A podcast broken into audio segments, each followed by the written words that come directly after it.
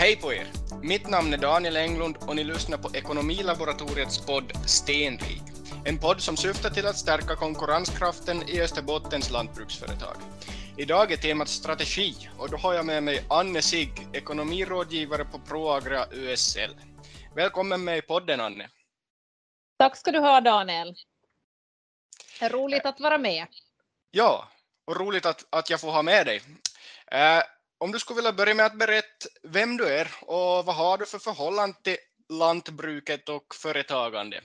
Mm. Det här, som du nämnde mitt namn, jag är Anne Sigg och jobbar som ekonomirådgivare på, på Agria Lantbrukssällskapet. Och jag är stationerad på Närpeskontoret, men att det här hela mitt arbetsfält består ju förstås av hela Österbotten. Och det här som bakgrund så har jag som utbildning så är jag ekonom från Hanken i Vasa och har då företagande och företagsledning som huvudämne.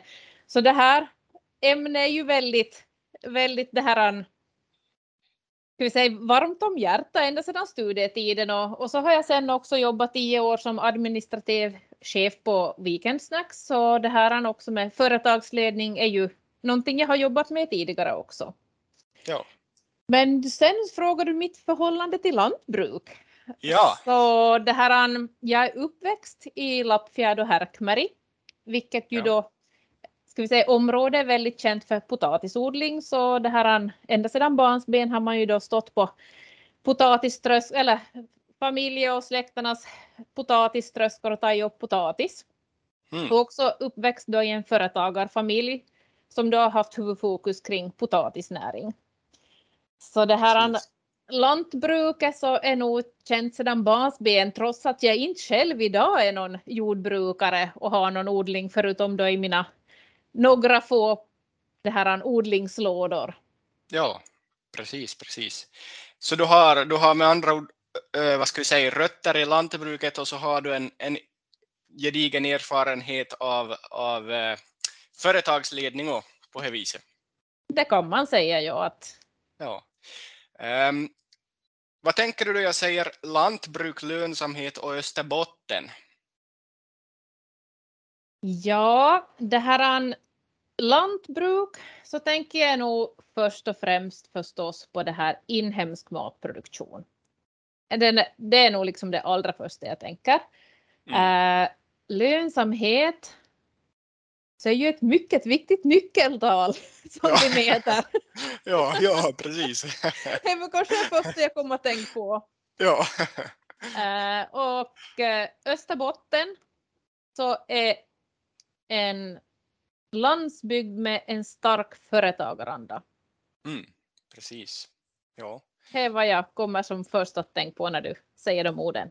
Ja, ja det var, var eh, bra associationer. Eh, no, om vi tar lite det här, föret, vad, vad, vad är företagsledning egentligen? No, företagsledning är ju när du liksom du ser till helheten av ett företag. Du, du, du mm. styr mm. ju liksom en hel verksamhet, inte bara liksom små delar av företagsverksamheten, utan du fokuserar på ekonomi, produktion, det här personalledning och så vidare. Att det är ett, ja. företagsledning är ett helhetstänk om vi säger som så. Ja, precis. Ja, kyllä.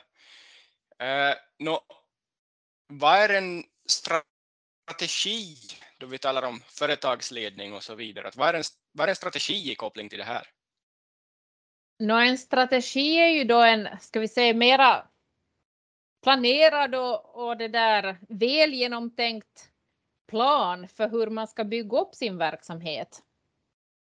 Och ska vi säga, då brukar man ju nog också säga många gånger att, att det här att en strategi så har väl de flesta i sitt huvud.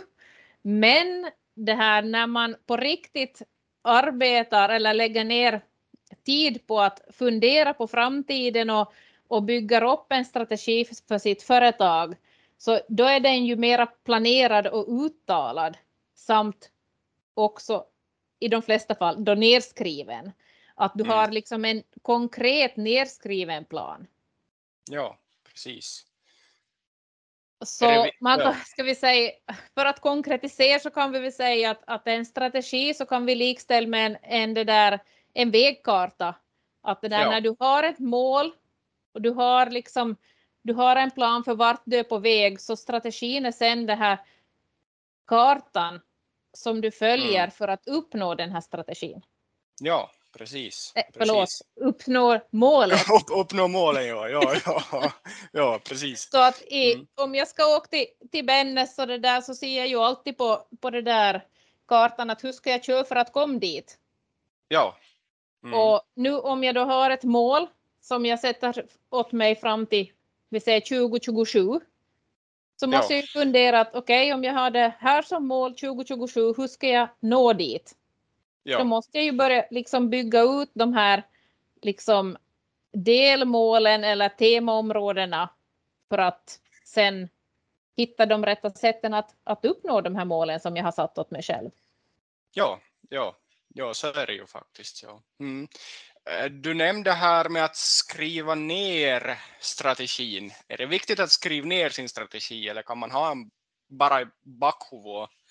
Eller? Klart du kan ha den bara i bakhuvudet också, men när du har en nedskriven plan så blir det mer konkret för dig själv också. Du liksom skapar ju en, en bild åt dig själv. Du kanske ja. ritar det där lite, det där pilar och bollar på ja. ett papper som gör liksom att ja. du får det här eh, liksom planen på hur du sätter ner dina tankar till papper helt enkelt. Ja, ja, precis, precis ja. Ja, ja nej, det blir, blir ju kanske mera konkret om man skriver ner sina tankar än bara ha dem i ett i, i molnet tänkte jag säga, men i, i, i huvudet. Precis. Mm. Och det är ju det, alltså när man, man, när man funderar på vad man har för mål med sin verksamhet och så vidare så, så pratar de ju om mission och vision. Så mm. det här missionen så fokuserar ju mera på nuläget medan att visionen då fokuserar på framtiden. Ja, och, precis. Och det här då kan man ju se som så att att om jag har en vision att till exempel vara Neidens bästa spannmålsföretagare om ja. tio år Ja. Så det är ju dit jag vill nå. Mm. Okej? Okay? Mm. Jag vill vara nejdens bästa spannmålsodlare. Ja. Så då måste man ju börja se då på att okej, okay, men vad har jag för nuläge idag då?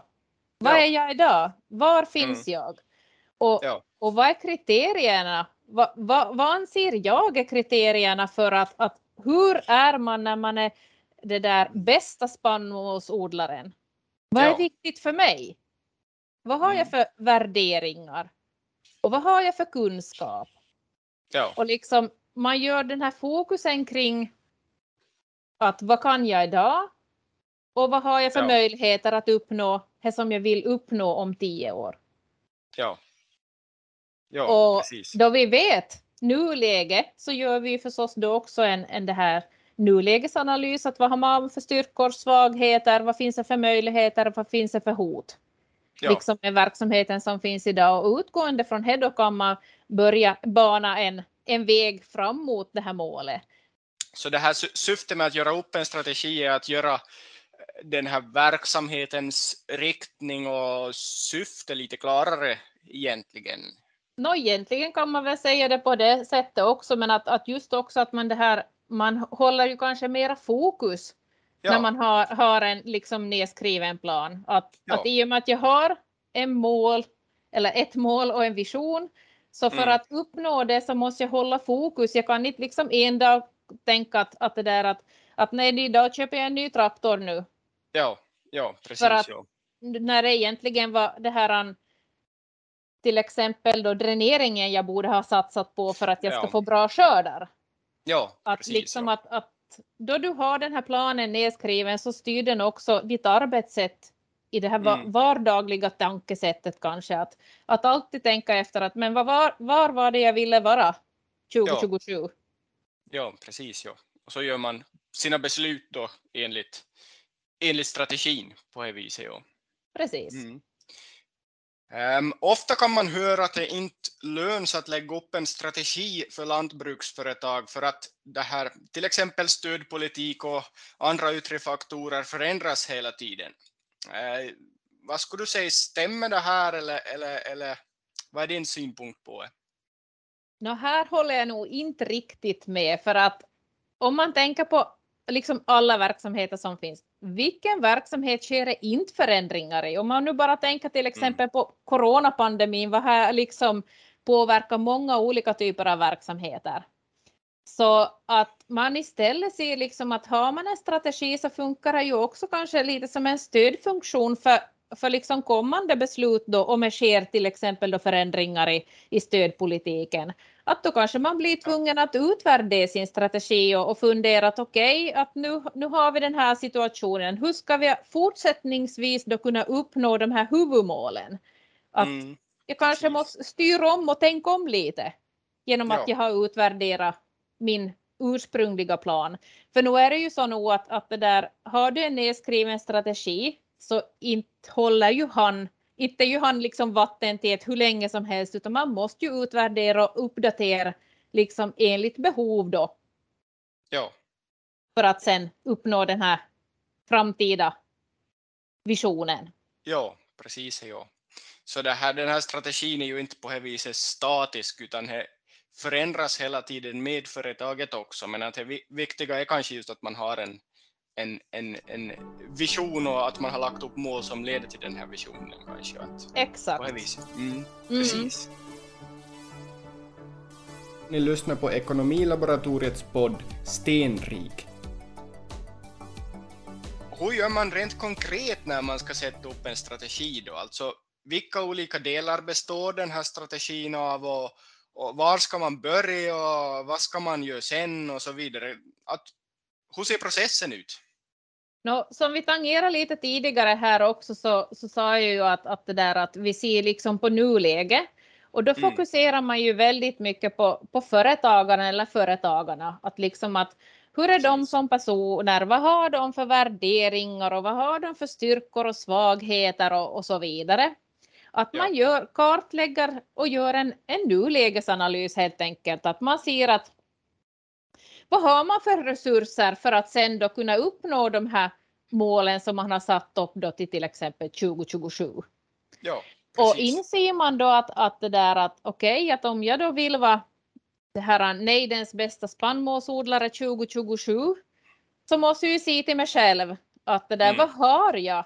Att kan jag bidra till att bli det här, eller kan jag lyckas med, det, med den kunskap och, och liksom de resurser jag har idag? Ja, precis. Och så kanske vi kommer fram till då att, nej, att, att det där, om du ska kunna uppnå det här så kanske du nog måste gå några olika kurser i no, det här till exempel, ja till exempel då precisionsodling eller, eller vad som helst. Men att man mm. liksom ser till vad, vad man liksom behöver för att kunna då till exempel då få ut bättre skördar och så vidare. Ja, precis. Och då kan man ju också konstatera då att okej, okay, jag har inte en viss kunskap, men att det här kan jag göra genom ett samarbete med någon annan ja. operatör. Eller då att jag köper tjänsten av någon annan. Ja, precis. Så att nuläge är nog väldigt viktigt. När man sen har en nulägesanalys klargjort så får man ju börja fokusera på det här till exempel då vissa temaområden som man ska fokusera på då år efter år och man sätter upp då det här eh, ska vi säga ibland lite kortsiktigare mål att man då helt enkelt tar kanske halvårsvis eller årsvis och så vidare. Och eh, sen också när man då jobbar med den här liksom vid sidan av sitt arbete hela tiden så, så mm. kräver det ju också att man kanske utvärderar situationen lite, att man ser till att okej, okay, men att nu har ett år gått. Att vad har jag nu uppnått under det här året? Att man som ser tillbaks också och liksom tar fram de här förändringarna som har skett. Ja. För att, att många gånger när man träffar en jordbrukare så säger ja vi arbetar på, vi jobbar på hela tiden men it, it, liksom, mm, vi ser inte ja. liksom någon förändring. Men ja. sen när man liksom ställer frågor, men att hej, att, att vad har ni gjort det här året nu då? Så man börjar med dem, gå igenom med dem så konstaterar de att ja, vi har ju gjort ganska mycket. Ja, och det är ju det här som är det viktiga också, att man då ser faktiskt till vad har hänt? Ja, Och det kan man ju inte kanske se på samma sätt om inte man har nedskrivet någonting. nej, precis. Ja. Så om du har bara allting i ditt huvud så, Mm. så kanske du glömmer att hur, hur var faktiskt den här nulägessituationen då 2021 om man har Ja. jobbat då på i ett och ett halvt år till exempel och så ser man men hej att här har vi ju faktiskt gjort framsteg nu och förändringar i verksamheten. ja, precis. Ja. Så på Så det viset är det bra att... Ja, Det är också viktigt på det sättet att man har det nedskrivet så att man Ja. har någonting att luta tillbaka på och se faktiskt att okej, nu ja, har vi gått framåt. ja, Och det kan ju vara egentligen vad som helst som du att liksom bara, ska vi säga, man har haft som mål att man ska till exempel följa upp liksom lönsamheten mera aktivt till exempel. ja, Att tidigare har man kanske då haft bokföring en gång i året. Mm. Men ändå har man satt som delmål att, nej, att, att det där minst tre till fyra gånger i året så ska vi liksom kolla upp hur, var, var befinner vi oss nu för att ha liksom en, en det där bättre kontroll över hur det går i verksamheten. precis. Ja. Ja, Och det kan ju då till exempel vara ett temaområde som man har gjort. okej. Och sen en annan sak kan ju vara då att man gör en, ska vi säga, en intensiv uppföljning i produktionsmängder, att man bokför mera noggrant än man har gjort tidigare för att liksom få eh, liksom svart på vitt att det här är det som jag Ja. producerar. ja precis. precis. Och det här är ju väldigt liksom individuellt för olika verksamheter att vad är de här olika Mm. temaområdena som man ska fokusera på då just beroende på vad man har för huvudmål. Ja, precis. Ja, ja, ja. Kyllä. Så det är ganska viktigt med de här, vad ska vi säga, mätarna och att hur man mä, mäter sig i förhållande till, till det här, om vad vi- man är i förhållande till de här målen på det viset. Nå, ska vi säga på det sättet att mäter du inte någonting så har du inte kanske så bra kontroll heller. Att när man mäter nej. så ser man ju en förändring om det har skett en förändring. Men mäter du inte någonting så vet du inte, har det skett någon förändring? Nej, precis. precis ja. Så. Någon som har sagt någon gång att det, det man mäter kan förbättras. Och när du mäter kan du styra. ja, precis. Mm. Men mäter du ingenting så har du svårare att styra din verksamhet. Ja, precis. Så. Ja. Det var bra pointer. Um, no, det här, om, vi, om vi tar det här strategin ännu och kanske att lite hur man konkretiserar det här strategin och får den till synnas i det här vardagliga arbetet. Alltså hur, hur, hur gör man så inte bara lämnar, lämnar som ett flum på, på ett papper som, som sen lämnar i skrivbordslådan längst ner på det viset? Nå, att man med jämna mellanrum tänker efter själv. Alltså ska vi säga att är du ensamföretagare så måste du ju alltid komma ihåg att tänka att hej, vad har jag för huvudmål med det här jag jobbar med? Ja, Och vad är som jag hade satt som, som huvudmål? Och när du har den här tanken med dig och du, du också ser det då konkret på papper så då håller du kanske lättare fokus också kring Ja. dina beslut du gör liksom i det där vardagliga arbetet. ja, precis, precis. Ja. Så. Mm. Det här, eh, vad ska man göra sen när man har nått sina mål? No. Det här, alla mål så ska man ju det där göra någonting som är uppmuntrande för sig själv. För som, som jag nämnde här att, att just att är man ensamföretagare så blir ju är väldigt så här ska vi säga att man gör Mm. samma saker hela tiden och, och det där man ser inte att man har gjort framsteg och så vidare. Så jag tycker att när man har ser och man har mätt och konstaterat hej, det här har skett, här har vi skett, har skett en utveckling nu i rätt riktning så vidare. Så Ja, fast man skulle där fara ut på restaurang med familjen Mm. eller det här an, bjud på tårta eller vad som helst. Små saker, men att man liksom gör det till någonting speciellt. Så ja, att inte alla dagar ser likadana ut. ja, precis. Att inte behöver det vara något storslaget om, om inte man vill. Klart, man vill man få på hotellweekend eller vad som helst om man har möjlighet så då ska man göra det. Ja, ja, ja. Så är det lite upp till sig själv att hur man firar ett mål sen när man har nått Precis. det. Ja. Mm. Men fira bör man. Det tycker jag absolut för att, att Ja. det där de är så, ska vi säga, de, de timmarna en jordbrukare använder för sitt företag är väldigt, väldigt många. Så ja. därför tycker jag nog också att man ska komma ihåg att liksom luta sig tillbaka och fundera över och vara nöjd över hur man har liksom åstadkommit också. Ja. Att det är en ja. viktig del för sitt eget välmående. Ja, kyllä. Kyllä. Det var också en bra point. Um, om vi frångår den här strategin lite nu så, så det här, vad skulle du som rådgivare och, och det här kunnig på området säga att det österbottniska lantbruket har för konkurrensfördelar och nackdelar?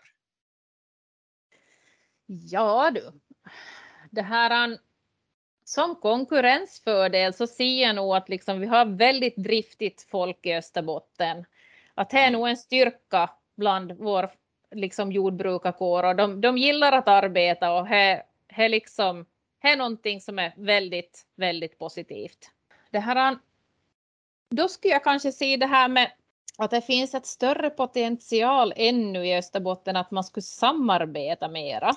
Jag har, ja. alltså jag har ju varit i huset sedan 2017 och jag ser redan en positiv utveckling det här att, att man samarbetar mera, men jag tror att det finns ännu utrymme för mera sånt.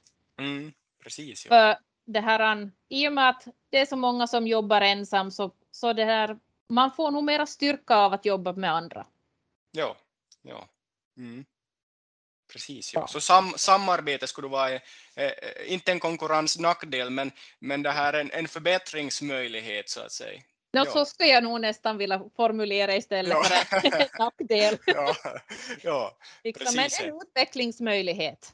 Ja, ja, men det är ju faktiskt med samarbete och med en ganska kapitalintensiv bransch också om man ser på det rent pengamässigt bara så, så att kunna samarbeta kanske mellan, mellan gårdar och få en större areal tillsammans är ju kanske en, en, en sak, man, sak som ger en konkurrensfördel. Mm. Mm, precis. Eh, till sist, om du får ge ett råd till de österbottniska lantbruksföretagarna, vad är det rådet? Bara ett? ja. Oj, nej. okay. uh, stanna upp, fundera och analysera verksamheten. Vad är det jag håller mm. på med? Och det där, sen då också att ta hjälp av en utomstående person som du kan diskutera med för att, att det här, man blir ofta blind för sin egen verksamhet så därför är det bra att till, till liksom ta en diskussion med en person som ser verksamheten med andra ögon. Ja, precis. Det låter som ett bra råd. Och jag Tusen... skulle egentligen ja. vilja säga en sak till. Säg en sak till. det här att man håller privatekonomin och företagsekonomin skilt. Mm. Att man faktiskt vet vad, vilka resurser företaget behöver och ja. vad privatekonomin behöver. Det är otroligt viktigt för sen det där, när inte du blandar ihop de här båda så kan du också styra verksamheten bättre. Ja, precis. Så. Det var det skulle vara mitt. bra råd. Två bra råd av Anne Sig. Tusen tack för att du ville vara med i podden. Tack Daniel för att jag fick vara med.